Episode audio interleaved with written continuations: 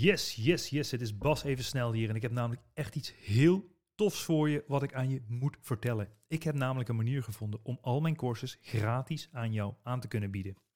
Ik heb meer dan 54 miljoen euro omzet gedaan in de e-commerce. Dus van wie leer je nou liever? Een guru die een auto huurt in Dubai of iemand die meer dan 10 jaar winstgevend is in de e-commerce? Als je liever niet van de guru leert en bewijs wilt zien van de 54 miljoen euro omzet, schrijf je dan gratis in voor al mijn trainingen op basdeeltuit.nl. Ik heb hier niks te verkopen. Je krijgt gratis toegang tot mijn unieke dwarsmethode. Al mijn e-commerce courses, gratis 1 op 1 coaching en een gratis ticket voor het e-commerce kickstart event waar ik jou alles van A tot Z ga uitleggen hoe jij een succesvolle e-commerce business kan gaan opzetten. Alles is letterlijk gratis. Er zitten hier geen addertjes onder het gras.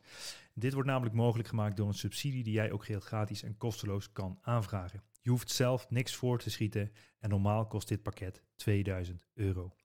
Schrijf je snel in op basdeeltuit.nl om gratis toegang te krijgen tot dit hele spektakel. Ik zeg veel plezier met het luisteren van deze podcast en tot snel. Ciao, ciao. Dames en heren, vandaag in de Ondernemen op Slippers podcast. Daan van der Lek. Na zijn middelbare school ging hij reizen en heeft onder andere met Leeuwen gewerkt in Zuid-Afrika. Hij leerde Spaans in Barcelona en eh, liep stage bij de Soho House in de early days daarvan. Wat een creatieve members club is. Uh, daar heeft hij zijn netwerk opgebouwd. Heeft hij onder andere Soho Drivers daarna gestart. Dat is een chauffeursdienst. En JEGA, dat staat voor Young Entrepreneurs Group Amsterdam. Uh, daar leerde hij onder andere zijn compagnon Jasper Stads kennen. En hij startte een crowdfund-campagne Bukkel, waar hij meer dan 3 ton mee heeft opgehaald. Welkom. Dankjewel. Je schuift je zit opzij en voelt je vogelvrij. Je Ja, je mag meezingen, maar je kent hem niet. Nee, ik ken hem niet. Dan lachen dit. Je droom is werkelijkheid. Bent van de stress bevrijd. Je kraakt de code van het leven nu met zekerheid. Yes. Welkom Daan. Ik zag het licht aanspringen, dus Ja. eh, we kunnen van los. Ja, ready. Welkom in ieder geval in de Ondernemer op Slippers podcast. Dankjewel. Ehm, ja, weet je, ik begin vaak een beetje chronologisch. Dus misschien kun je... Nou, nee, trouwens, de allereerste vraag die ik altijd stel, die is vrij intiem ook. Eh, jij bent, eh, geloof ik, 25. Maar ik vraag altijd, wat zou je doen als je nog drie maanden te leven hebt? Oeh, dat is een goeie.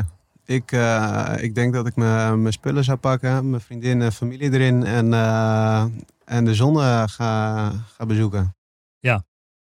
De zon bezoeken. De zon zoeken. Ja. Ja, direct eh, eruit. En eh, dat wil niet zeggen trouwens dat ik nu niet doe wat ik niet leuk vind. Maar dat, ja, dat zou ik als allereerste doen als dat voorbij komt. Ja, dus toch met je dierbaren nog even mooie tijd doorbrengen in het zonnetje. Zeker, Ja, zeker. Ja, Heb ik ja. deze vakantie ook gedaan. Dus dat, mooi. Waar ben je geweest? ik ben in Spanje geweest. Oké. Spanje. Voor Ja. Spanje voor Oranje of niet? nou, het was, eh, het was tricky. We hebben wel geboekt, eh, gewacht met boeken tot het code geel werd. Want dan ben je nog verzekerd als het, eh, Oh. als het allemaal fout Ik gaat. wil zeggen, doe je het goedkoper? Precies. Nee, nee, nee. Het werd niet goedkoper. En toen, toen hebben we geboekt. En vrij snel daarna werd het allemaal eh, donker-oranje, ja. Ja, maar ik neem aan dat je van een biertje houdt. Wa- Waren de clubs en dingetjes open daar? Of? Nou, ik, ik heb die, eh, die twee weken dat we weg waren eh, heerlijk gebruik gemaakt om niet die biertjes te pakken. In ieder geval niet in de club. Wel gedaan overigens, nog even tussendoor stiekem. En eh, dat was wel afstand houden, mondkapjes op. Overigens in heel Spanje mondkapjes op. Dus Ja. rare wereld waar we nu zitten. Ja, echt hè? Ja. Ja, ik heb zelf ook net eh, 6000 kilometer door Europa gemaakt. En inderdaad, volgens mij is Nederland een van de weinige landen waar je geen mondkapjes op hoeft Ja. eh, in de openbare ruimtes. Nou, wel fijn, vind ik. Ja, mooi man. Hey, maar ehm, eh, kun je iets vertellen over de kleine, de kleine Daan? Je, bent- je bent nog steeds relatief jong, maar eh, ja, waar groeide je op en eh, hoe zag dat een beetje eruit? Ehm, opgegroeid in, eh, in Bussum. Eh, ligt in het midden van Nederland. Eh, ja, heb daar mijn eh, basisschool, eh, daarna mijn VWO eh, afgerond op de middelbare school. Altijd ja, veel met vrienden bezig. En ook toen al begonnen met ondernemen. En na mijn periode op de middelbare school vrij snel het land verlaten en, en de hort op om aan mezelf te gaan werken en voor te bereiden op de, op de rest. Tof. En wat besefte jou dat als je zeg maar ja, de hoort op zou gaan, dat je dan ja, toch een, niet alleen een, letterlijke reis maakt, maar ook een innerlijke reis, zeg maar. Wa- wa- Was dat een bepaalde mindset die je toen al had? Of Ehm, ja, sowieso altijd eh, dat het eigenlijk nooit af is allemaal. Dus eh, ik, ik, vind het wel mooi om, a- om aan mezelf te werken en te doen, eh, dingen te doen waar ik wat van opsteek. En eh, nou, in dit geval eh, had ik het plan om eh, de Hoge Hotelschool te gaan doen in Amsterdam. Super internationale studie. main language is Engels. Dus ik, ik wilde mijn Engels gaan bijspijkeren. Ik wilde extra taal. Ik wilde vrijwilligerswerk doen. Dat stond allemaal mooi op mijn cv. Maar was ook gewoon ja, goed voor de, voor de ervaring. En toen, eh, ja, als je, als je naar het buitenland gaat en je komt uit een eh, lekker warm nest met je hele gezin eh, in één huis. En, en je moet opeens je koffers pakken en je gaat er alleen op uit. Dat, dat, dat doet zeker wat met je. ja, Ja, wat je middelbare school, hoe oud was je toen nu je klaar was daarmee? 18 in één keer afgerond in ieder geval. Dus ja, 18. 18. En toen heb je je koffers gepakt en ben je op reis gegaan. Ja. Tof. En, Ja. hoe, en, en waar ben je een beetje geweest? En wat, wat was het hoogtepunt en wat was het dieptepunt? Ehm, hoogtepunt was, eh, ehm, tenminste, ik ben eh, begonnen in Bristol. Eh, dat ligt in Engeland. Drie maanden Engels geleerd. Toen heb ik, toen ik terugkwam, heb ik mijn selectiedagen gehad van de hotelschool. Dus daar, dat liep op de achtergrond, zeg maar. En welke stad wilde je? Eh, Amsterdam. Amsterdam. Ja. Heb ik ook gedaan, Amsterdam. Oh ja. Ehm, toen eh, ben ik eh, de dag na die selectiedagen ben ik naar Zuid-Afrika gegaan. Absoluut hoogtepunt. Sowieso in alle, alle, alle trips tijd van mijn leven gehad. Maar dat was echt prachtig. Werkte ik in een park met 400 leeuwen. van welpjes tot gigantische beesten. En daar ook vrienden langs gehad. En ja, te gek. En, Wauw. En wat, wat moest je doen in dat, in dat, in, met die leeuwen? nou, eh, dat is best grappig. Het begint eh, met, eh, met knuffelen. En, en, je, je- volgens mij waren toen de, de selfie-camera's begonnen een beetje warm te draaien. En dus dan ben je alleen maar met die beest leuk op de foto. Maar er moesten dus wel echt handen uit de mouwen en poep scheppen in de ochtend om zes uur 's ochtends. En dan ging je met een eh, pick-up truckje die nog net niet uit elkaar viel. Moest je eh, uren rijden om een, eh, om een wel natuurlijk overleden koe op te halen. Want als jij 400 leeuwen te voeden hebt, dan ga je niet allemaal naar de dierenwinkel om dat netjes uit de verpakking te trekken. Dus die, die koeien moest je ophalen om die beesten te voeden. En dat was, nou, het was echt gewoon ja, aanpoten wel. En dan, die koe moest je uit elkaar trekken of dat Ja, deden de leeuwen? Nee, ja, het lag eraan eh, in welk hokje ze gooiden. Dus, eh, dus soms ging er alleen een poot in. En de andere keer eh, moest je met een, letterlijk met de pick-up truck en daar op die koe moest je dat verblijf in en gewoon net zo lang gaan rijden totdat die hele roede leeuw het beest af hadden getrokken. Dus het was wel spectaculair. Vet. Ja. Vet. En het, eh, heb je je ooit bedreigd gevoeld door die beesten? Of dat je dacht van holy shit, eh, dadelijk eh, bijt die arm eraf of valt het wel mee? Nou, dat, bij die welpjes, die trekken bijna al je, je arm eraf. Dus die beesten die zijn, echt wel, het zijn echt wel beesten, zeg maar. Maar wel super mooi. En ze zijn wel allemaal opgevoed tussen mensen. Dus wel met, de met de hand opgevoed. En eh, later, vrij snel daarna, wordt het instinct, eh, neemt de overhand. Maar de, de eigenaar van het park, die zal altijd herkend blijven. Dus wij gingen dan wel eens bij die grote eh, volwassen leeuwen naar binnen. Met die eigenaar. En er was wel altijd backup. Altijd een pistool of een knuppel of iets. om, om last moment je leven te redden als het echt moest. Ehm, maar dat was wel, het was wel link. Dus op een gegeven moment heb ik een, eh, een foto, op mijn, staat op mijn Facebook nog. Ja. Dat er een leeuw eh, staand, een volwassen leeuw staand tegen mij opstaat. En dat doet hij dan om te spelen. Maar als ik eh, was omgevallen, had hij me direct in mijn nek gebeten. Oh ja. En dat was een serie van vijf foto's. Dus de eerste was gezellig, de tweede was springen. en, en op een gegeven moment zag je iemand met een pistool zo rennen. En, maar uiteindelijk niks aan de hand. Hij heeft hem niet afgeschoten. Nee, nee, nee, nee zeker niet. Nee, gelukkig Wow, niet. dat is, wel, dat is wel bizar hè? Toch, dus, Ja. we- toch, het is wel mooi om zo in met de natuur te zijn. Ik heb zelf ook ontwikkelingswerk gedaan in eh, Zimbabwe en Botswana. Weet je, ik heb ook een olifantenkamp gewerkt. Ik heb ook zo'n foto waar zo'n baby olifant gewoon met twee poten tegen me aanstaat. Weet je, Precies. die was aan het stoeien. Ja, dan is er nog niks aan de hand. Maar als ze kwaad willen en ze gooien die sleur om je nek of zo. Dan, Ja, dan ben je klaar. Ja, ben je klaar. Ben je klaar? Ja.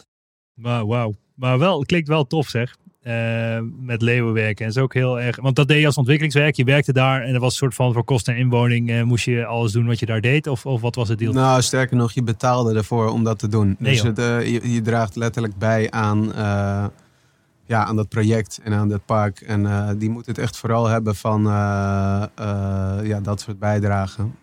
Wel bizar om te zien, eh, had ik het laatst nog over. Het is natuurlijk ook eh, wat, dat Black Lives Matter, wat nu eh, heel erg speelt. Ja. Maar dat speelt daar dus helemaal niet. Tenminste, het, het gedeelte dat er voor opgekomen wordt. Dus elke baas van elke boerderij is hartstikke wit. Of Oh ja. blank, wit. En en, en de, alle werkers die zijn de- zwart. En die hebben allemaal een, een, een hongerloontje. En wordt niet goed voor gezorgd. En dat is daar ook allemaal normaal. En eh, ik, ik, eh, eh, ik rookte toen nog.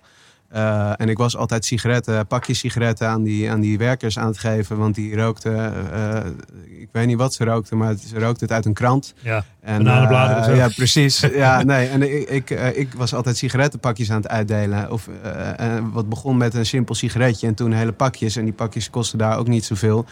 Ehm, maar mensen keken mij daar aan, die blanken, van eh, eh, wat ben jij aan het doen, joh?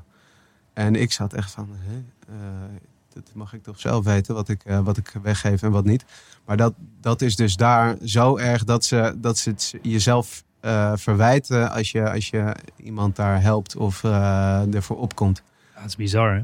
En ook Bizar. corruptie daar is ook natuurlijk mega, weet je. Ja. Als, je het- als je het niet doet volgens eh, de- baas of wie, de, wie je ook de baas noemt, dan, eh, dan word je afgeknepperd. Precies, precies. Eh, Dus eh, ja, dat was wel. nou, dat, dat is dus ook weer zoiets wat je, wat je toch even wat meer uit die bubbel waar je vandaan komt. iets, daar iets daaruit trekt, zeg maar. En je steeds weer wat ja, echt wijze lessen bijbrengt. Ja, tof. Maar wat, wat is een beetje van die hele reis, zeg maar? Wat wat. wat... Ja, ik zeg altijd, weet je, ga reizen en dan leer je veel meer dan dat je thuis blijft. En, en, en beaam jij dat ook? En wat is nou de echte les die je leert van dat reizen volgens jou? Nou, je kan, eh, op, op reis kan je hooguit je mama bellen. En, eh, en eh, om. om niet dat dat per se het geval was bij mij, maar je, dat, is het, e- dat is het enige wat je kan doen. Dus je, ben, je staat er bijna helemaal alleen voor. Ja. En dat is wel toch wel iets waarvan ik merk van dit heb ik echt meegekregen ten opzichte van mensen die dat allemaal niet hebben gedaan. Ja, je leert jezelf redden eh, in een omgeving waar je niemand Nou, en niets kent. Je bent gewoon letterlijk eh, onafhankelijk. Tof man. Ja. En, en na Afrika ging het verder of eh, na die leeuwen ben je weer naar huis gaan? Nee, toen naar Duitsland, naar Berlijn gegaan. Oh ja. daar Duits geleerd. Uh, Jawohl. jawohl. ja, ja, zeker. En ook een superleuke tijd gehad. En het dieptepunt van dat jaar was dat het voorbij was. Eh, maar gelukkig kwam daarna wel eh, vrij snel eh, de hotelschool. En ehm, dat, dat is ook, ook weer een compleet nieuw hoofdstuk geweest. Wat, wat echt te gek was. Eh, dat lid van eh vereniging, veel drinken en dat soort dingen? Of hoe moet ik het zien? Nou, dat, dat is wel wat, wat de eerste jaren Ja. een flinke rol speelt. nou, je, je moet het zo zien.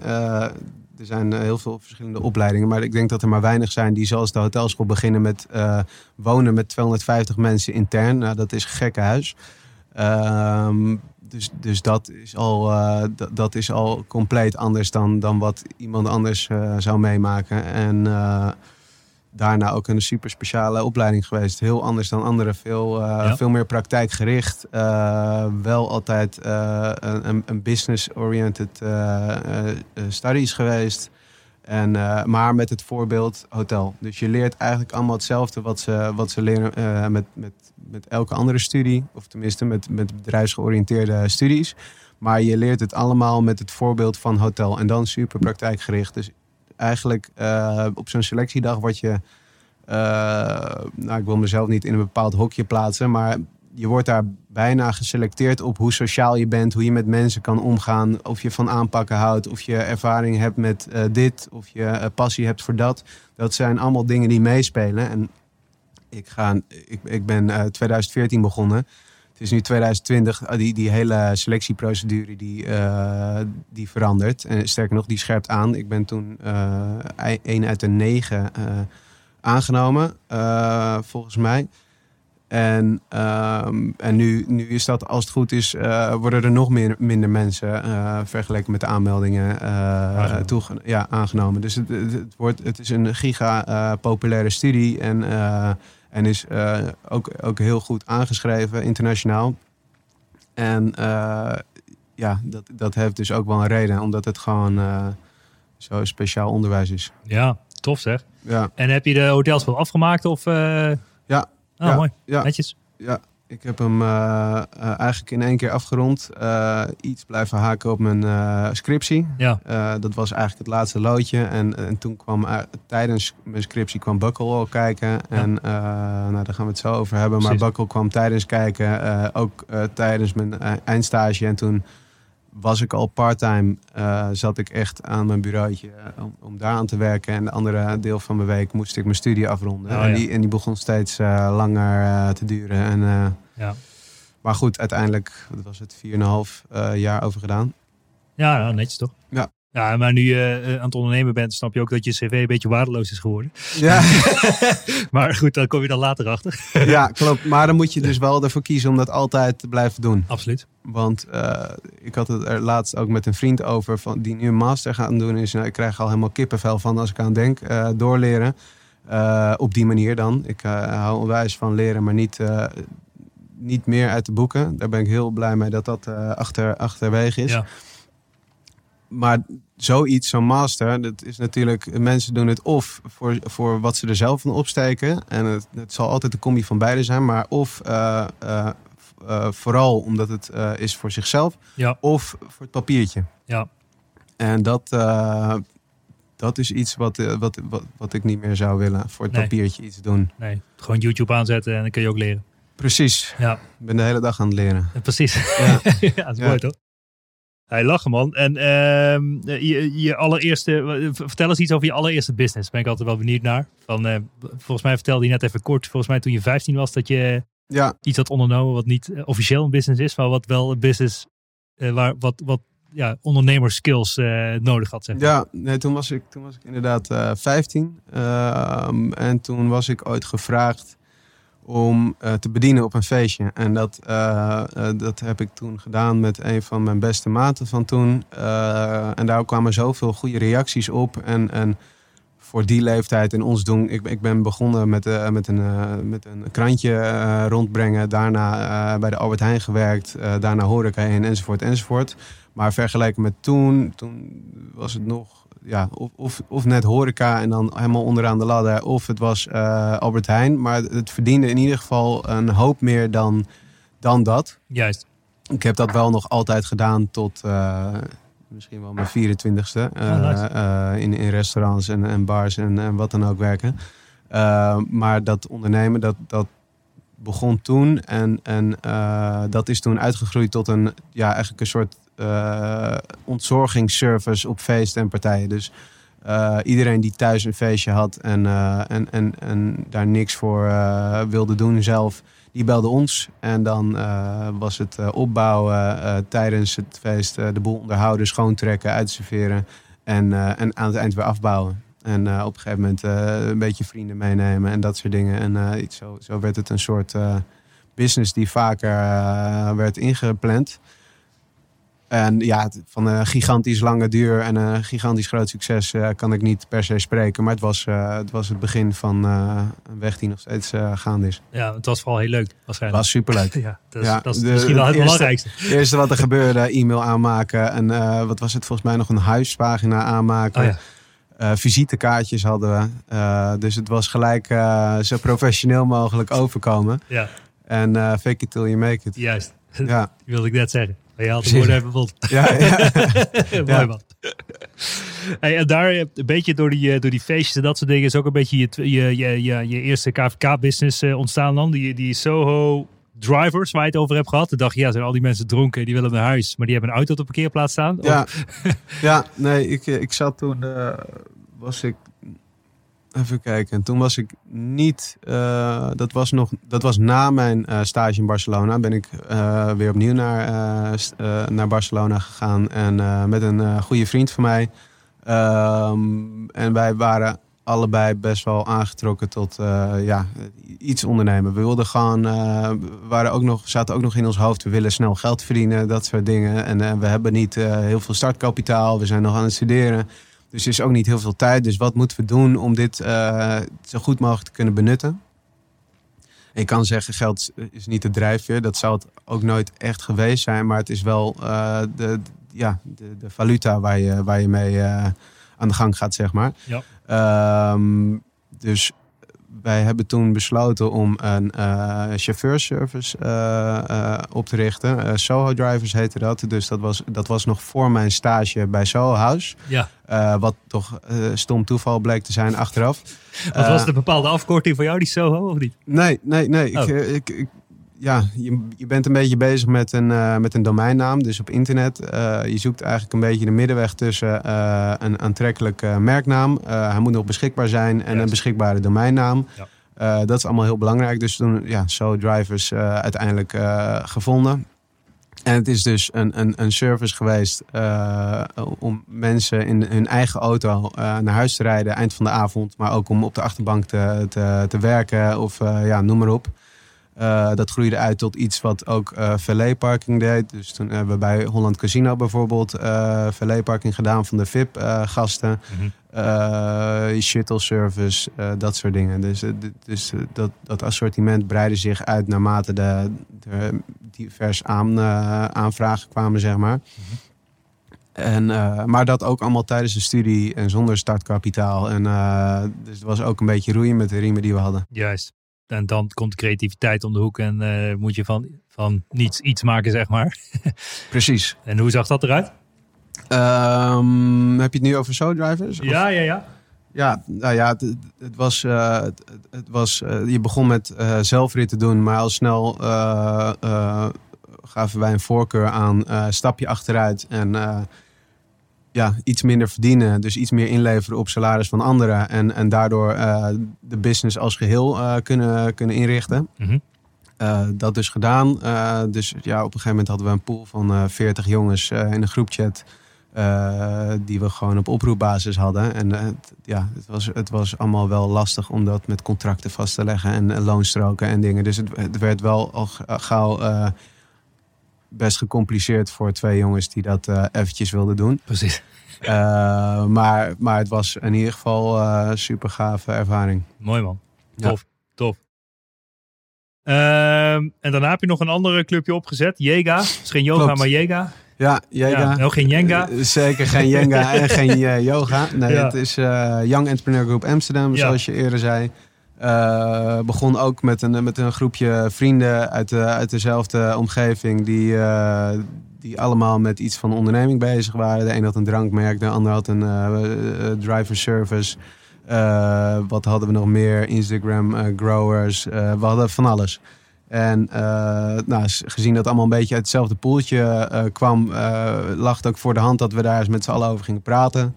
Eh, al snel, al snel eh, wekte dat enthousiasme op. Eh, iedereen die vertelt zijn verhaaltje aan, aan, aan buitenstaanders, die willen er dan bij horen. Nou, en zo kom je vanzelf tot een concept dat vrij snel groeit. Dus met, met drie man per maand exponentieel zitten we nu op de 40 à 50 eh, leden. Die tot eh, de coronasituatie elke maand bij elkaar kwamen. Eh, dat deden we hier in Amsterdam bij het QO Hotel. eh, die gigantisch goede host voor ons is geweest. Nice. Ehm, en dan elke maand met een, met een andere spreker. Dus elke laatste woensdag van de maand met een andere spreker. Een ervaren ondernemer uit een, uit een andere industrie. En iedereen heeft wel een eigen verhaal. En de een die vertelt over zijn succes. De ander over zijn valkuilen. In ieder geval eh, super interessant en, en leuk genoeg om elke maand die, die 40 boys bij elkaar te eh, krijgen. En ik zeg nu boys. Eh, we hebben... Een paar ladies. nou ja, we, we hebben een paar ladies en we, en we zijn bezig om dat gemixter te maken. Het is dat onze vriendengroep uit, uit jongens bestond en dat dat zo automatisch is uitgegroeid. Maar het is natuurlijk ook niet helemaal meer van deze tijd. Nee. Dus daar zijn we ook mee bezig. Maar in ieder geval superleuke groep. Eh, helaas dus sinds maart eh on hold. Ja. Ehm, en, ehm, en, de, en de link met Jega en Bukkel was dat eh, ik dit dus had met een, met een paar jongens opgericht. En kwam ik Jasper op een verjaardag tegen van een gemeenschappelijke vriend. Ehm, en toen wel snel aan de praat geraakt over wat doe jij, wat doe ik, eh, onderneming, zus en zo. Jasper had ook een onderneming, die had een uh, fietsophangsysteem wat hij eh, succesvol verkocht eh, via zijn eigen webshop. Ehm, Om een fiets tegen de muur te hangen of zo. Ja, Oh, ja? Exact, Ja. exact. Ehm, en die, eh, die heb ik toen uitgenodigd om bij Jega langs te komen. En eh, eig- eigenlijk is dat de eerste samenwerking eh, geworden die ontstaan is uit Jega. Dus dat is eh, ja, Cool. de eerste Jega baby. En die, want je, de locatie werd gehost volgens mij, zei je net, of niet? Dus ja, ja, nou, Ja. gehost, gehost. Eh, wij, wij kregen een ruimte van het QO Hotel. En, en, en om de te doen. Precies, en zij verzorgen die ruimte. Zij voorzien ons van eh, consumpties en dat soort eh, eh, dingen. Dus Ja. Dat, het- ja, dat noem ik zo even hosten. Ja, meer wat ik me afvroeg, waar, waar of hoe vind je de mensen die dan zeg maar een verhaal komen doen? Of is dat meer organisch binnen de groep en hey, ik ken iemand die kan dit vertellen en ik kan iemand die Ja. dat kan vertellen? Of, nou, dat- dat begon, het begon en dat was het voor het grootste deel wel. Dat, dat ik was dan verantwoordelijk voor het aandragen van sprekers. Nou, dat kwam dus eh, eh, ook bijna allemaal uit mijn netwerk. Maar je ziet vanzelf dat ook mensen enthousiast worden van het concept. En zeggen van nou, ik, ik weet misschien ook nog wel iemand. En eh, ook met intro's. Dus we hadden elke maand drie intro's. Mhm. Dus nieuwe, nieuwe mensen die, die het interessant vonden, die komen dan even alle drie een pitchje doen. Voor de eerste keer bijkomen. Dan zijn ze ook de gast, want iedereen betaalt een contributie. Nou, die intro's niet. En, ehm, en dan gevolgd door een spreker. En dan eind van de, van de avond, eh, of de, de, de, de tijd die erop volgt, eh, wordt er dan be- besproken of eh, diegene eh, ja, aan de eisen voldoen. En er dus bij komen. Oh ja, cool. Dus je had ook echt een soort van drempel. Dus niet iedereen kan zomaar lid worden. Ja, ja klopt. Er, er zat wel een ballotage aan. eh, niet, niet heel eh, specifiek. eh, maar het, het- ja, het ging, ging vooral op gevoel. En, en je moest natuurlijk ook uitgenodigd worden om daar langs te komen. Dus dat was de eerste, eerste ballotage. Juist. En als je zelf niet geschikte mensen uitnodigt, dan snij je zelf van de vingers. Dus dat, dat gebeurde al ja, vrij netjes. Ja. En eh, het was niet een club die eh, eh, per se exclusief of, of bui- mensen buitensluiten. Het was juist heel inclusief. Maar je moet natuurlijk wel een bepaald niveau van ervaring, et cetera, hanteren om, om een club zoals dit te laten groeien. Precies. Ook in kwaliteit. En Ja. daardoor weer andere mensen ja, aan te trekken. Cool. Hey, je had de naam net al een paar keer genoemd, hè? Bukkel. Ehm, dat is het eh, product dat jullie nu verkopen. Kun je vertellen wat een bukkel is en eh, hoe het een beetje ontstaan is? Ja, zeker Bas. Eh, dat is, het is een, eh, een, een, een, een lastig verhaal altijd. Ik, eh, ik heb dit ook bij de BNR op de radio moeten uitleggen. En dat is toch moeilijk om mensen een Dus hebt feeling te geven. mensen een feeling te geven bij een product wat, wat nog niet bestaat. Ja, maar om het, hoe ik het opschrijf is in ieder geval... Het is een, een, een premium accessoire. Dus het is wel een, een, een, een, een luxe item... eh, om, om je broek of rok eh, rond de taille eh, traploos in te nemen per millimeter. Tot de perfecte fit per persoon. Dus ja, het is, het is de moderne tegenhanger van de riem. En om het heel simpel te zeggen, is het eigenlijk de riem zonder de, de strap om je, om je middel. Dus ja. het is echt een tool. leren- Zonder leren ja. band. Dus het is echt een tool die je op je broekband zet. Wij zetten hem schuin voor. Dus rechts van je, van je gulp, zeg maar. Eh, omdat dat binnen handbereik is. En, en eh, eh, het best samenkomt met de zak die je op die kant hebt. En daardoor een mooie vouw kan creëren. Ehm, en, en ja, het is bijna een onzichtbare manier om je broek in te nemen. Oh ja. Nou, nu snap ik het ook. Dus, ja, dus stel je hebt een rok en je bent wat afgevallen. En dan wil je die rok aan en dan gebruik je dus de bukkel om hem wat strakker te trekken, zodat hij goed over je heupen blijft zitten. Precies, want een rok is het makkelijkste voorbeeld. Er, is gewoon, eh, ja, er zijn rokken met eh belt loops, om ze zo maar te noemen. Maar de, in principe kan je geen riem dragen op een rok. En eh, dit is dus iets waar dat wel mee kan. Oh ja. En dat kan dus ook op, op, ja, op broeken.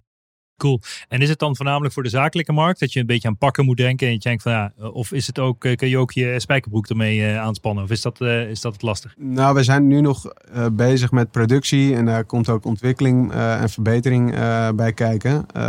Maar hij werkt het allerbest op, op pakken, omdat dat dus, of, of rokken, Ja. omdat dat wat flexibeler fabric is. Juist. Eh, maar spijkerstof, ik heb een aantal spijkerstof eh, broeken waar ik hem eh, op kan dragen. En dat is geen probleem. Maar we durven niet de garantie op dit moment te geven dat dat op elke dikke, eh, ongewassen Lee spijkerbroek vers uit de winkel zou werken. Ja. En en de, de target market, dat is echt iets wat, eh, wat zo gigantisch breed is. Kijk, wij focussen ons nu op een, op een bepaalde groep. Mhm. Maar eh, het, het is echt nog even eh, het afwachten welke groep nou uiteindelijk met de bukkel er vandoor gaat. zodra we uitleveren. Want dat zal eind dit jaar gebeuren. Spannend man.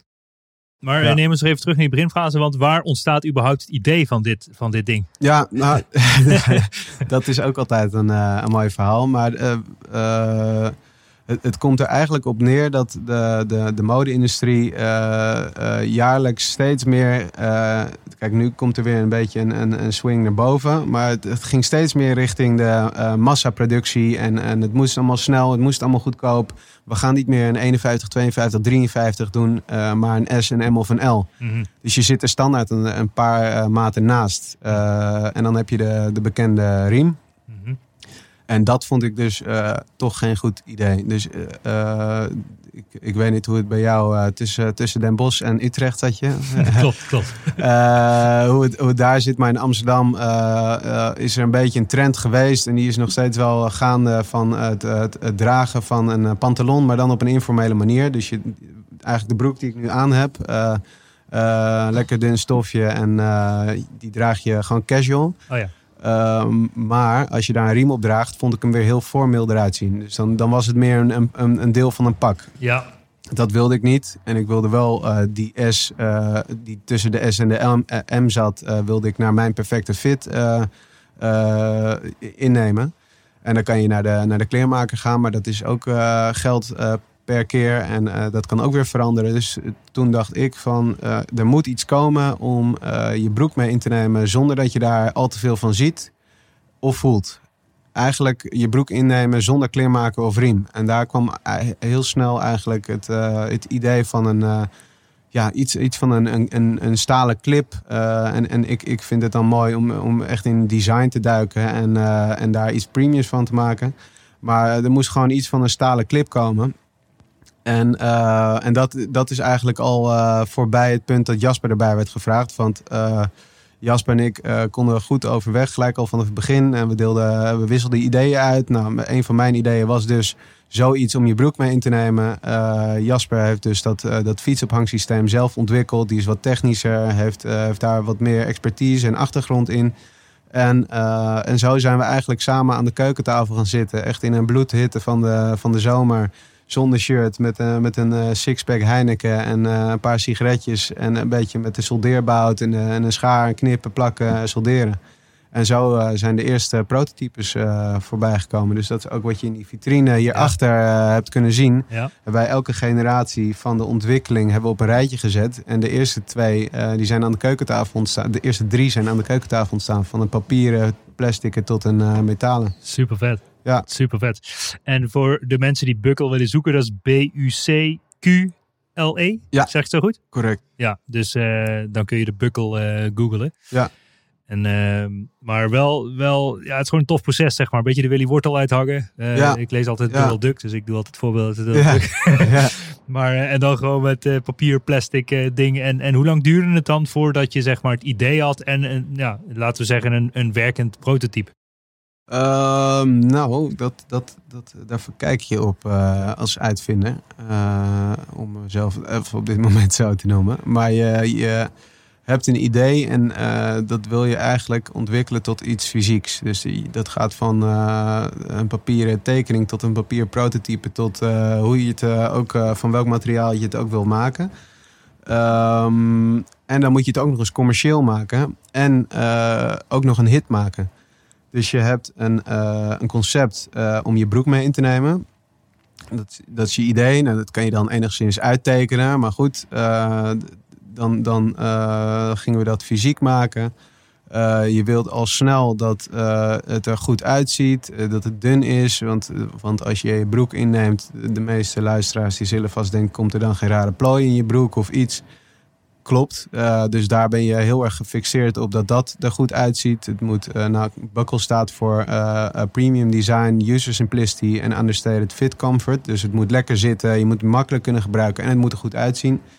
Ehm, maar daar ben je aan het begin nog niet helemaal mee bezig, want je bent echt aan het, aan het klooien. Hoe gaat dit in zijn werking? Je bent het concept aan het uitdenken. Dus wij dat concept uitdenken. Eh, Jaspers eh, technische kennis, mijn design eh, daarop toepassen. En toen al vrij snel kwamen... Wij hebben toen bij een vriend, sorry, hebben, hebben eh, een digitaal design gemaakt. Hij designt auto's en dan ook onder de kap. En Oh ja. met alle draadjes en dingetjes. Allemaal, 3D-tekening wil je. ja, Ja. maar giga gecompliceerd. En ehm, dat, eh, die heeft toen voor ons, eh, wat wij toen wilden, eh, heeft hij toen in elkaar gedraaid digitaal. En toen zaten wij echt aan ons plafond. Dus toen, toen was het zo van, hè, wat, wat nu? Dus toen hebben we professionele designbureaus benaderd. uiteindelijk met er eentje uit Breda aan de praat geraakt. Die ehm, heeft dat toen opgepakt. En daarmee ehm, eh, hebben wij onze, daar hebben wij onze kwesties eh, neergelegd. Dus eh, een, eh, een, eh, product wat easy to use is Mhm. en eh, comfortabel zit, dat moet ook gelijk universeel zijn. Want we willen het simpel houden, we willen één product en het moet perfect zitten voor iedereen, dus het moet verstelbaar zijn. Nou, dat is dus eh, eigenlijk al de eerste valkuil. Want eh, dit product verstelbaar maken eh, kwam uiteindelijk eh, eruit. En ik citeer dat het lastiger was dan het ontwerpen van een elektrische vrachtwagenmotor, wat dat bedrijf ook doet. en the is, ja, dus de, de, we zijn daar uiteindelijk, of wij met, met behoorlijke hulp van hun, anderhalf jaar mee bezig geweest, denk ik. Na een jaar met het design zelf. En totaal anderhalf jaar tot we live zijn gegaan. En dat ja, het duurde maar, het duurde maar. En je moet het zo zien dat er twee kantjes zijn in het verhaal. En dat is eigenlijk ook met mij en Jasper. En eigenlijk met alle perfecte duo's. Of tenminste eh, succesvolle duo's. Je moet een soort van tegenpolen hebben met, een, met een, wel eenzelfde visie. Ja. En eh, eh, nou, bij, bij dit bedrijf was het dat zij willen dat het technisch goed werkt. Nou, wij willen dat natuurlijk ook. Maar zij zijn er om de, de techniek te doen. En wij om het, ja, eh, voor het oog, op het, om het optisch wat eh, strak te houden. En, en je wil hem eh, lekker dun hebben en je wil hem klein hebben. En je wil, maar het moet wel allemaal doen wat het designbureau wil. En dat is dus eh, lastig, want eh, als het aan het designbureau ligt en je kijkt even een maand de andere kant op, dan, dan eindig je met zo'n blok op je been wat, wat perfect werkt, maar er niet uitziet. en als, je het aan ons, eh, als het aan ons ligt, dan wordt het allemaal te, te fragiel en te dun. En, dus, dus je moet dat heel goed combineren en heel goed zorgen dat je blijft communiceren tussen die twee partijen, totdat je een product krijgt waar je allebei tevreden over bent. En zij hoefde uiteindelijk nergens mee tevreden zijn. Eh, maar ze, ze moesten wel natuurlijk iets afleveren waar wij om gevraagd hebben. En wat dus eh, doet wat, wat wij ze hebben gevraagd. En dat was dus die techniek goed krijgen. Ja. Dus eh, we willen allemaal hetzelfde. En daardoor moet je een goede compromis tussen beide kanten vinden. Wauw. Maar dus tussen idee en, en echt, laten we zeggen, consumenten schaalbaar prototype ben je dus toch al, ja, in jullie geval misschien wel anderhalf, twee jaar verder. We zijn op dit moment zijn we twee jaar verder. Ja. En eh, er wordt zelfs nog compromis gevonden tussen eh, eh, het, design wat we hebben ingeleverd en wat, wat schaalbaar is. Oh ja. Dus je moet het ook nog eens zo, zo makkelijk te produceren maken Ja. dat je er honderdduizend van de band kan laten rollen binnen een, een, beperkte tijd. Ja. Maar tof man, maar ehm, eh, waar ik natuurlijk ook wat langer over wil praten is, is eh, want jullie hebben uiteindelijk besloten om een crowdfund campagne te starten. Ja. Ehm, eh, is ook een beetje uit eigen belang. Ik wil zelf ook op langere termijn een crowdfund pa- campagne gaan starten voor een product wat ik aan het ontwikkelen ben. Ja, cool. Ehm, ja, ne- neem ons anders eens mee door de stappen van succesvolle crowdfund campagnes. Want op dit moment hebben jullie geloof ik meer dan drie ton al opgehaald via Kickstarter denk ik. Of is het Ja, Kickstarter Indiegogo? Kickstarter gevolgd door Indiegogo. Precies. Ja. ja. Eh, dat heb ik ook een beetje begrepen dat dat een beetje de logische volgorde is. Want volgens mij mag je het niet toevoegen als het niet meer uniek is op Kickstarter. Dus daarom doen ze eerst Kickstarter en dan Indiegogo, toch? Precies. Ja, maar eh, ja, neem ons dus een beetje eh, door de stappen, zeg maar, hoe, hoe je nou echt succesvol wordt op zo'n platform. En ehm, eh, wat je ook doet als je niet succesvol bent. Ja. Waarschijnlijk doe je dat vrij weinig, maar Nou, waar zit is- het succes? Het is erg belangrijk dat je begint eh, met jezelf een bepaalde vraag te stellen. En dat is eh, wat je nou eigenlijk wil bereiken met die Kickstarter-campagne. Ehm, want waar Kickstarter en eh, crowdfunding over het algemeen voor bedoeld is, van origine, is ehm, het ophalen van geld voor een idee wat nog niet fysiek is. Dus we hebben het net over een idee en de, de, tijd die eraan die ingestoken wordt totdat het iets fysieks is. Dat idee heb je in je hoofd. En eigenlijk met niet meer dan dat wil jij eh, geld ophalen om dat te kunnen ontwikkelen tot iets tastbaars. En wij hebben er zelf voor gekozen om eh, eh, eigen gespaarde centen. Ik denk dat dat geld al sinds, eh, sinds eh, Sinterklaas eh 19 nog wat eh, op, mijn, op mijn rekening stond. Zeg maar zo lang heb ik op dat geld gezeten tot er een mooie, eh, mooie kans kwam om dat uit te geven. En wij hebben dus zelf geïnvesteerd in, de in, de, in het design van het product. Dus wij hebben echt wel al een, eh, een fysiek product eh, gebruikt. En, eh, en eh, de reden dat die vraag gesteld moet worden is omdat je echt twee kanten kan, op kan. En dat is dus of met eh, het idee alleen geld proberen op te halen om het allemaal te realiseren. En, en, en dus eigenlijk zo zuinig mogelijk met de centen omgaan. En zoveel mogelijk winst te proberen te maken. En, en, en met die winst kan jij dan je product realiseren. Natuurlijk gaat het eigenlijk uiteindelijk allemaal om geld. Eh, maar de andere eh, eh, main reason, en dat was die van ons, is marketing, exposure. Dus wij hadden al een product en we hadden een investeerder eh, eh, eh, binnengehaald. En ja, investeringen kan je altijd binnen, binnenhalen met een, met een goed product als je er maar aandelen voor weggeeft of wat voor regeling je ook wilt treffen. Dus voor, voor het geld deden we het niet. We deden het echt voor de exposure, want we hadden een product en wat we nodig hadden was een proof of concept. Dus eh, eh, eigenlijk laten zien van eh, Bas, oh, jij wil mijn product niet kopen. 10.000 mensen zijn voor geweest, dus geen zorgen. Dat, dat is wat wij wilden bereiken. En dat betekent dat je dus zoveel mogelijk sales wil draaien. Zoveel mogelijk omzet wil draaien. Je wil lopen zwaaien met die grote vlag van... Yo, we hebben 300.000 euro opgehaald en we hadden zoveel backers... en we zijn zo goed bezig. Je wil eigenlijk de hele dag lawaai maken met wat je hebt gedaan met die Kickstarter. En dat is onze weg geweest. Maar da- dat heeft dus wel eh, eh, bijvoorbeeld eh, heel veel geld gekost aan marges die je weggeeft aan partijen die jou daarbij helpen. Dus, dus als wij echt op de centen wilden zitten, dan hadden we het allemaal zo lean mogelijk gedaan. En dan hadden we de, de ads zelf gedaan en misschien wat minder ads of minder omzet gedraaid. Maar wel meer marge voor onszelf gehouden. En we hebben er dus voor gekozen om gewoon te smijten met geld. En dat, dat klinkt nu op de podcast misschien een beetje raar. Maar wel gewoon om, om grof te investeren in marketing. Om, om zoveel mogelijk eh, te bereiken. Ja. ja, want ik lees ook genoeg verhalen van Kickstarters of Indiegogo-campagnes die echt bizar veel geld ophalen, maar die eens winstgevend zijn geweest. Dus dat is ook nog een valkuil voor veel mensen die denken, hey, ik ga het even starten en die vergeten dat ze belasting moeten betalen of Ja, eh, weet ik veel wat, invoerrechten Ja. of eh, de productiekosten vallen tegen. Of dat zijn natuurlijk alle risico's van, van een Kickstarter of een Indiegogo Ja. Nou dat, dat, dat is zeker waar. Eh, wij hadden wel, eh, we hebben echt, we hebben dus anderhalf jaar gehad om dit allemaal voor te bereiden. Dus al die risico's die hadden we allemaal ingecalculeerd, hadden we allemaal gedekt met een eh, investering die, die we dus hebben binnengehaald. Dat hebben we ook niet allemaal maar klakkeloos uitgegeven, maar ook bewaard voor het ja, doom scenario. En ehm, ja, daar, dus, en, en toen dus kunnen focussen op, op eh, zo hard mogelijk vooruit, maar wel met een vangnet. Hmm. Maar je hebt dus ook een beetje in de early days een deel van je equity weggegeven aan iemand die geïnvesteerd heeft. Ja. Ja. En, en, en, en ik neem aan dat jullie beiden nog een meerderheidsbelang hebben, of niet? Ja. Ah ja, oké.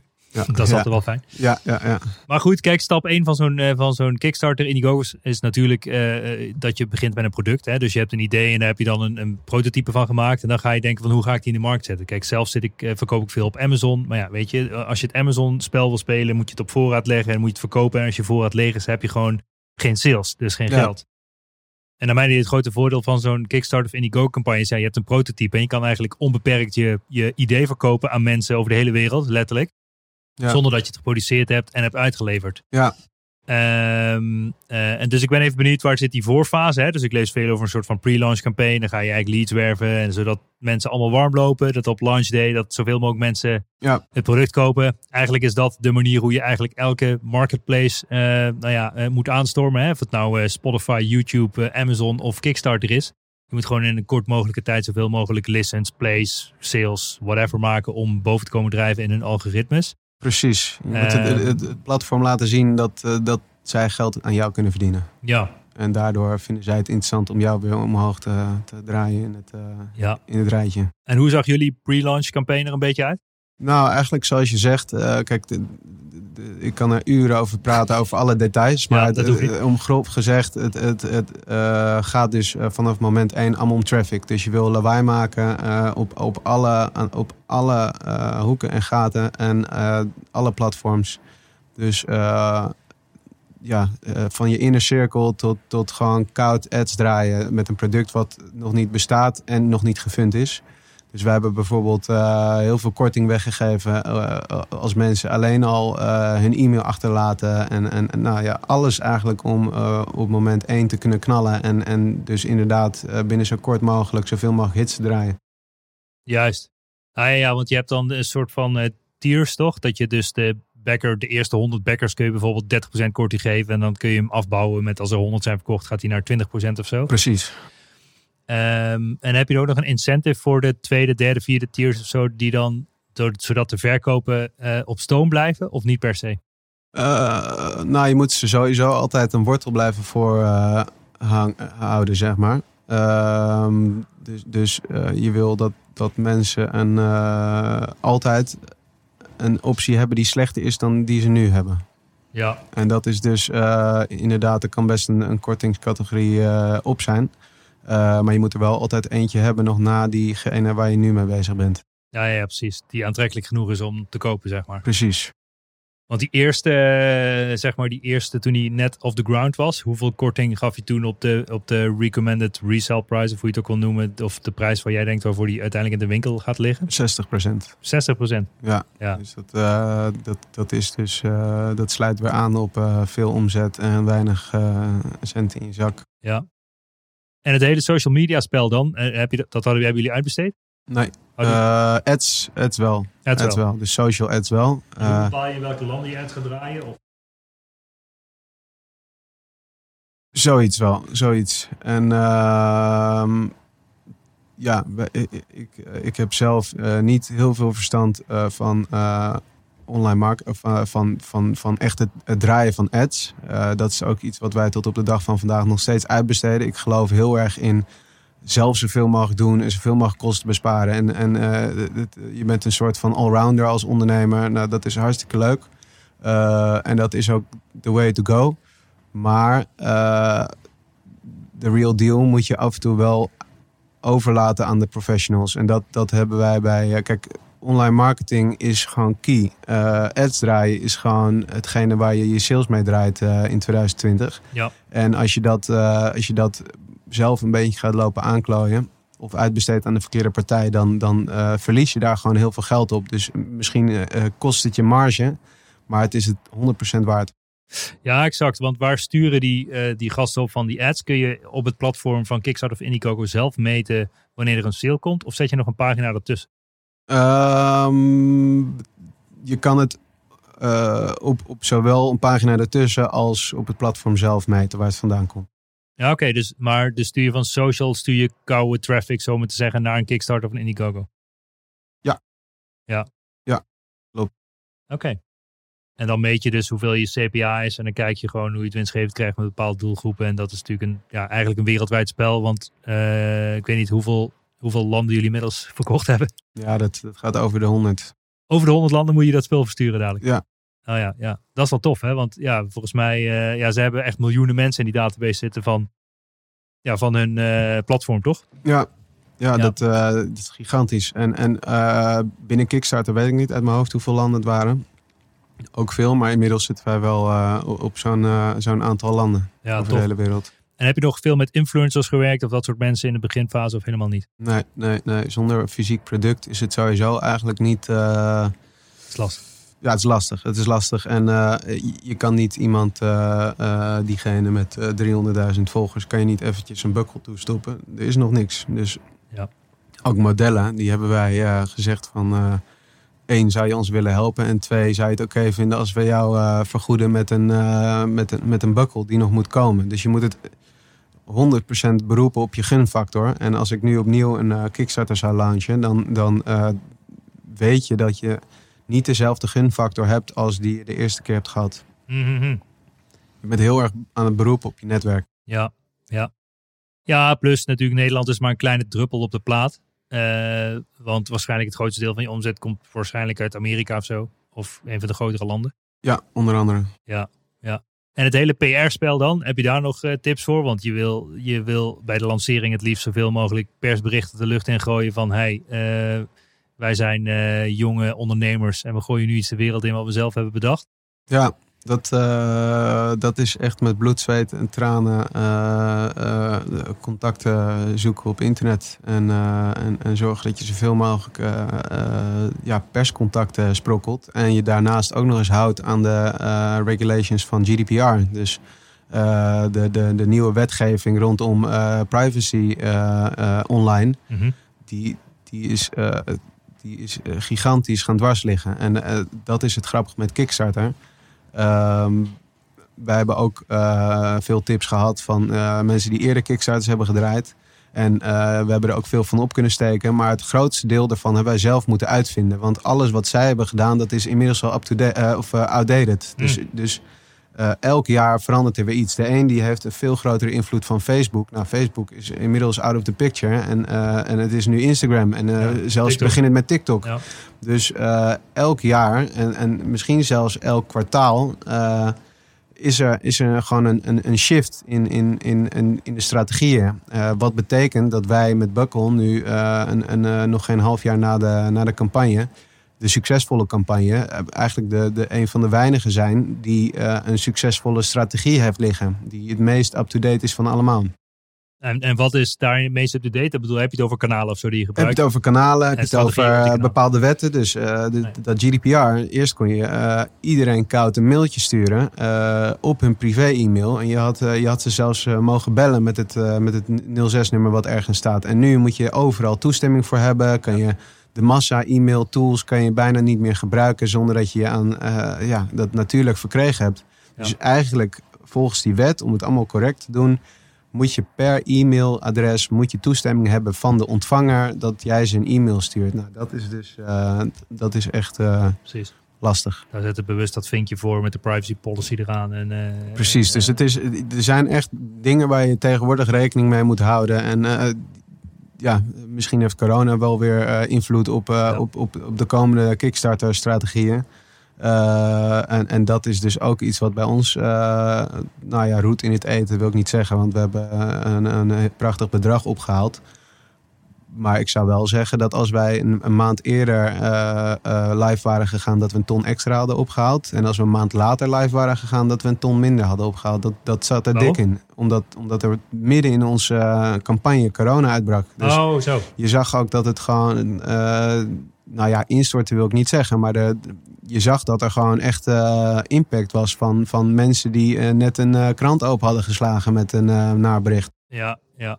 Dus dan gingen ze minder door, verko minder door kopen op Kickstarter. Ja, Ja, dat is natuurlijk zeker. allemaal een soort van overbodige luxe Mensen met die producten die, je vragen- over ze- zes maanden gaat ontvangen. Exact. En, en mensen die vragen van, eh, mag ik mijn geld terug? Ik ben net mijn baan kwijt en dat soort dingen. Dus je, je zit echt, eh, het is echt een, een, een nare situatie waar je in bevindt. Al helemaal tegenover klanten van je. Hey, en over geld gesproken, hè? Je- hoe werkt dat nou precies? Want mensen betalen op Kickstarter. Ja. En wanneer krijg je als bedrijf zeg maar je geld? Ehm, je krijgt het eh, aan het eind van je campagne, mits je je target hebt gehaald. Dus je zet een target van dit heb ik nodig om eh, mijn productie te kunnen doen. Eh, de reden daarvoor is dat als je dus niet genoeg hebt om je, je productie te financieren, dan ga je dus ook niet uit kunnen leveren. Dus we willen gewoon dat je dat target zet op waar je, wat je nodig hebt om te kunnen uitleveren. Als je dat hebt gehaald, dan, dan ben je verzekerd van je geld, van je funding aan het eind van de Kickstarter. Aan het eind van de Kickstarter. En die, die, die termijn, kun je die zelf bepalen dan? Kan ik zeggen, ik start nu een Kickstarter en die is over drie weken afgelopen. Eh, ja, die stel je vooraf, eh, vooraf kan je instellen hoe lang je het wil laten duren. Ja, Die van ons heeft eh, iets langer dan een maand geduurd. oké. Een maand plus enkele dagen. Ja, ja, precies. Dus dat is gewoon 31. eigenlijk een maand lang knallen, alles, iedereen gek maken en Ja. zoveel mogelijk. en dit was de allereerste, die is al afgelopen. Dit, is, eh, dit was de allereerste. En die, eh, nou, we zijn nu live op Indemand, op Indiegogo, zo noem je dat. En dat is eigenlijk een soort van een, eh, een verlengde van je eigen webshop. Dus mensen kunnen daar nog op kopen. En als zij op Indiegogo zitten, zien ze ons vast voorbij komen en kunnen ze ons bekken. Maar de hele climax heeft gezeten in Kickstarter. En als jij eh, een Kickstarter hebt afgerond, kan je ook alleen maar eh, op, op Indiegogo live. eh, of sorry, op Indemand van Indiegogo live. Ah, Dus dat is een. wat dat hadden? nou, dat is, dat, daar zit dus geen termijn. Dat is een onbeperkt doorlopende ja, campagne. Crowdfunding campagne. En eh, daar zitten andere marges aan vast. En eh, ik, ik- weet er eigenlijk niet eh, alles van. Maar het, het komt erop neer dat het een oneindig doorlopende campagne is. Totdat je zegt van stop. Oh. Dus er zit ook minder hype, minder strategie, minder... ja, we hebben nu een webshop parallel daaraan lopen. En daar houden we meer marge aan over. Dus waarom zou je ze in godsnaam naar de Indiegogo sturen? Maar als op Indiegogo veel sales zijn, ga je dan weer hoger in het algoritme. Daarna krijg je nog meer sales of niet per se? Ja, als je eh, de, de eerste eh, maand eh, slash twee maanden van Indiegogo hebben we echt een, nog, nog goed geld opgehaald. En daarna is dat afgenomen. Want Ja. er zit gewoon geen spanning, spanningsboog meer in. En als je in die in-demand zit, dan krijg je wel direct je geld als mensen afrekenen. Of elke dag of elke Ja, week. op in kortere termijnen. Ah ja, ah, dus dat is wel handig. Ja. Want dat was ook een duidelijke overweging van jullie. Van, hey, gaan we dit nou eh, groot inkopen en bij eh, Amazon Bol neerleggen. En dan kijken hoe we wereldwijd kunnen verkopen. Of gaan we het eh, ja, op, die, op die platformen doen?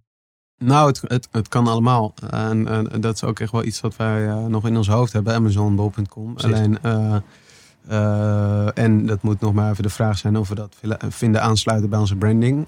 Maar daarnaast moeten we daar gewoon een fysiek product voor hebben. En dat is er op dit moment nog niet. Ja, nee, nee, nee, precies. Dus je zit nu nog in de fase dat de productie eh, uitgevogeld moet worden. Wat een mega uitdaging is in coronatijd. Ja, ja, ja, ja, ja, ja. Tof man. Ehm, Oké, dus ja, ik, ik eh, probeer even het proces een beetje down to breken. Weet je, pre-launch, je vergaat, je maakt iedereen gek, je zet ze op je lijst, je lanceert, je maakt iedereen gek. Koop nu, want nu is de hoogste korting. Eh, daarna, Kickstarter loopt af. Je maakt de PR gek en tussentijd maak je je schoonmoeder en iedereen helemaal wild. Ja, het gaat allemaal om climax. Het gaat allemaal om climax. Eh, dan eh, gooi je wat persberichten eruit. Eh, en als je, weet ik veel, bij elke mijlpaal gooi je een nieuw persbericht eruit. Dat is, dat is wel waar het op, eh, op, op neerkomt. Ja, en dan heb je Kickstarter succes gehaald. Dan ga je daar in die mand. En dan loop je nog even door. eh, waardoor je nog meer kan verkopen zonder dat je het eigenlijk geproduceerd hebt. Ja. Ja. Ja, en, Ja. en ook op de webshop eh, verkopen wij nog dagelijks eh, met pre-orders. En je hebt dus een soort van Shopify shop gemaakt of iets Ja, in die ja we hebben gewoon eh buckle.com. En er staat gewoon pre-order now en dan staat er geleverd over zes maanden of zo. Of, of... Ja, ja, ja. En, dan, en dan geven wij nog steeds een, een, een pre-order discount. En is die discount groter dan op in die, in die Nee, nee, nee, dat kan je absoluut niet. eh dat mag wel, maar dat kan je absoluut niet maken tegenover je backers. Je backers is echt. Het is ook niet zomaar een, een, een groep die je aan het targeten bent. Eh, Kickstarter en Indiegogo, vooral Kickstarter, zover ik weet, eh, heeft echt een hele community. Eh, dus de Kickstarter community, dat zijn backers, noem je dat. Mhm. En dat zijn echt mensen die, die gaan voor een persoonlijke benadering. Dus die vinden het te gek om al je ins en outs te weten. Die willen weten hoe het met jou gaat. Die willen weten eh, wat je hebt gedaan vooraf. Die willen weten waar het product eh, vandaan komt. Hoe, wat. eh, als het- en het zijn ook een beetje geeky... het is een beetje geeky publiek. Dus het, ze houden van gadgets. Ja. Ze houden van nieuwe snufjes. ze zijn bereid daar eh, voor te betalen. Ook, ook best wel veel bij sommige campagnes. En ze zijn bereid te wachten. En in ruil daarvoor krijgen ze korting. Ja. Dus eh, ehm, dat, is, dat is echt een groep die jou dus steunt door je eerste fase heen. En eh, het is niet alleen dat zij dit doen om het product te krijgen. Maar ze zijn ook echt betrokken erbij. En ze vinden het ook rot voor je als je, als je iets rots meemaakt in je proces. Eh, daarnaast zit, wordt er genoeg geklaagd als het niet goed gaat. Maar ze hebben wel allemaal, het is wel allemaal part of the deal. En dat, iedereen zit daar in hetzelfde schuitje. Dus het is, het, het is echt wel een, een, een speciale groep eh, eh, klanten van je waar je ook zuinig op moet zijn. Dus als jij daarna eh, hogere kortingen gaat geven, dus minder geld gaat vragen voor producten dan dat zij hebben betaald, Ja. terwijl zij de risicofase hebben doorbrugd met jou, dan, dan, ja, dan is het einde zoek met Kickstarter. Ja, precies. En de, als mensen kopen op Kickstarter Indigo, krijg je de data dan? Kun je die mensen mailen, bellen of whatever, of niet? Ja, maar dat is dus ook iets waar ze niet per se, eh, volgens mij niet per se toestemming voor hebben gegeven. Dus wij, wij gebruiken die contactgegevens om ze up te daten eh, over, eh, over hun, hun product, Mhm. de status van hun, hun levering. Ehm, maar dit is niet een lijst die we gaan lopen spammen. We, Nee, mogen, nee. we mogen het niet delen. We mogen er, ik weet niet wat, wat er allemaal voor regels aan vastgeknoopt zitten. Maar je moet daar in ieder geval eh, met beleid en respect mee omgaan. Maar je krijgt wel de echte e-mailadressen van de klanten. Eh, ja, ja. Nee. want eh, dat is gekoppeld aan hun account. En dat is hoe jij na Kickstarter contact houdt met ze. Juist. Dus je krijgt ook hun adres. Je krijgt Oh ja. hun Ja, telefoonnummer, weet ik niet, volgens mij niet. Ja. Maar je krijgt echt, echt al hun gegevens om, om te kunnen leveren aan ze. Dus je, je hebt wel gewoon best wel wat data. Ja. En, dat, eh, en, en echt wel een bijkomende verantwoordelijkheid. En zijn er nog bepaalde dingen op het gebied van eh, BTW, zeg maar, waar je rekening mee moet houden? Als je wereldwijd gaat versturen? Ehm, ja, buiten Europa betaal je geen BTW, binnen Europa eh, wel. Ehm, dat is erg belangrijk. Het zou zonde zijn als je dat niet meeneemt in je berekening. Ja, je BTW, je bedoelt als jij vanuit Nederland gaat versturen, dan ga je de Nederlandse BTW rekenen op alles wat je uitstuurt? Naar Europese landen, ja. Ja. En ehm, er zijn natuurlijk ook nog allemaal charges aan de grens. eh, waarvan je duidelijk moet communiceren of dat eh, bij de prijs in zit of niet. Oh ja. Dus mensen willen wel weten waar ze aan toe zijn. Eh, de shipmentkosten die moeten on point zijn. Dus het zou zonde zijn als je daar geld op gaat verliezen. Maar verdien er niet te veel op, want dat, dat, daar maak je mensen ook niet blij mee. Nee, die shipmentkosten zitten die vaak dan al in de deal die mensen kopen of kun je die achteraf laten afrekenen? Ja, achteraf wordt dat afgerekend. Oké. Standaard. En dan op jullie eigen systeem of ook op het Kickstarter of Indigo systeem? Kickstarter. Oké. Dus eh, dat eh, betalen zij. Ehm, en je kan overigens wel de shipmentkosten op nul zetten. Maar het wordt wel bovenop je reward gegooid. Oh ja. Dus jij hebt eh, iets aangeklikt van een bepaalde prijs. Dan, eh, dan ga je naar de checkout. Dan komt er nog shipmentkosten bij. En er staat dan eh 0, 5 of 10 euro. eh, of dollar. En, ehm, en dan ga je eruit. Ja. Ik heb bijvoorbeeld ook iemand uit Kuwait die, eh, die de postservice daar niet vertrouwt. Eh, die heeft eh, nog wat extra betaald om dat met een eh, speciale delivery te laten doen, waardoor die 100% secured is. Oh ja. Dus dat eh, is een uit, uitzonderlijk geval, maar dat is wel iets wat eh, Ja. dat kan. En is die klantenservice natuurlijk een beetje geëxplodeerd na de lancering? Of was dat direct onder controle en, en, en heb je daar nog bijzondere dingen? Nou, het explodeert sowieso. Maar je hebt ook wel gewoon. eh, kijk, je hebt, je hebt je hele kunstje heb je voorbereid. eh, voor ons dan eh 18 maanden lang. Dus je bent wel echt ready voor, voor de game, zeg maar. En, ehm, en, en tuurlijk ontploft de boel. En al helemaal druk op die groene knop. Dan, dan gaat er eh, van alles aan berichten en, en eh, posts. En alles op alle social media platforms gaat ratelen. Nou, je, je, je, je, zweet loopt van je voorhoofd als je dat allemaal meemaakt.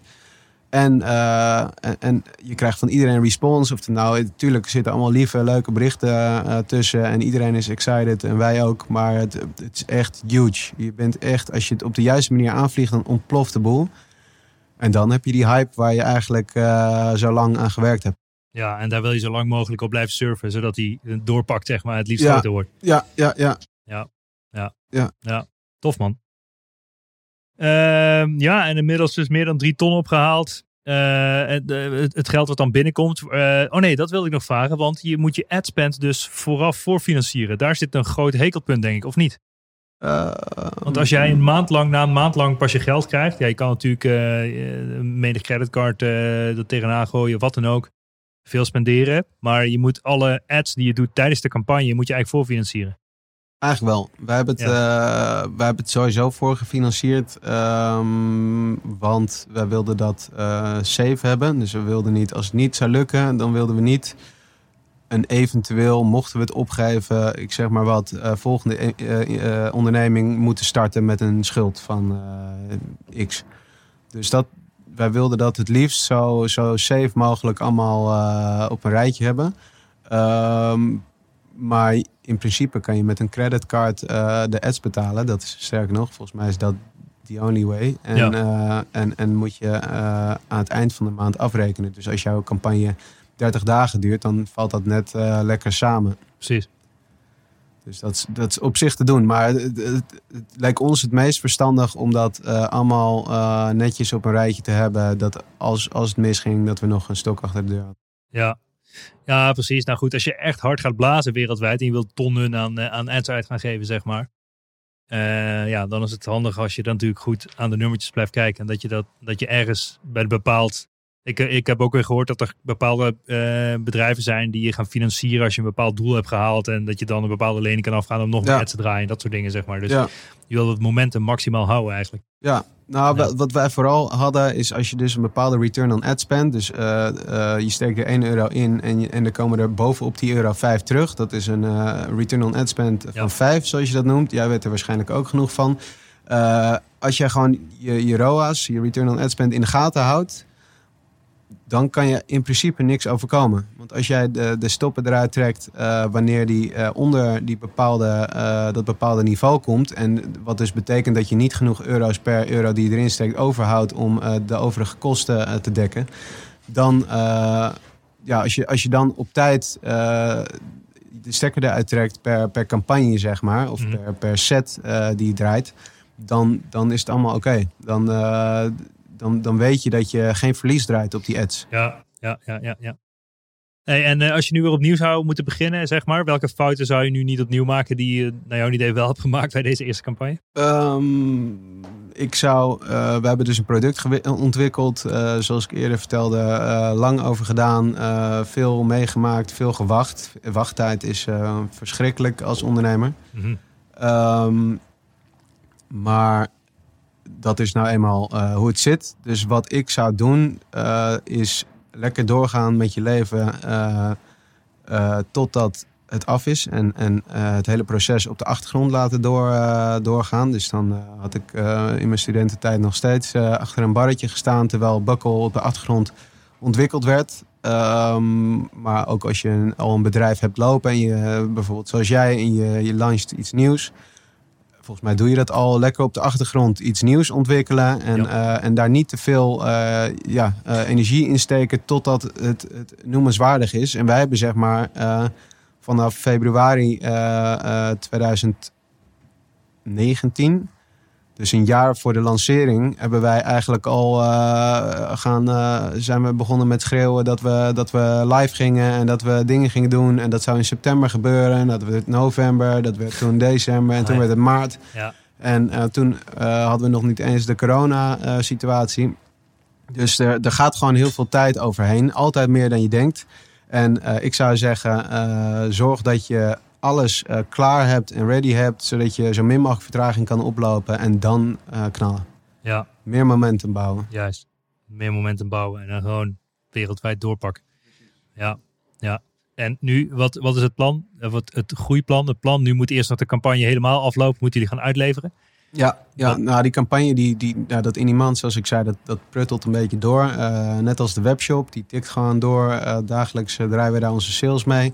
Eh, dus, dus dat gaat allemaal goed. Ehm, en, en tegelijkertijd, dus dat is ook een soort van eh, wat we doen in de tussentijd om de tijd op te vullen, is pre-orders draaien. Want op, op, eh, op het lage pitje op de achtergrond loopt de ontwikkeling van die productie. En die zullen we dus, als het goed gaat, eind december uitleveren. Ja, eind december. Dus dat wordt na de kerst. Dat is eh, hopelijk voor de kerst. Hopelijk maar eh, ik, ik doe geen beloftes Geen meer eh, sinds, sinds dit proces. Nee, nee, nee.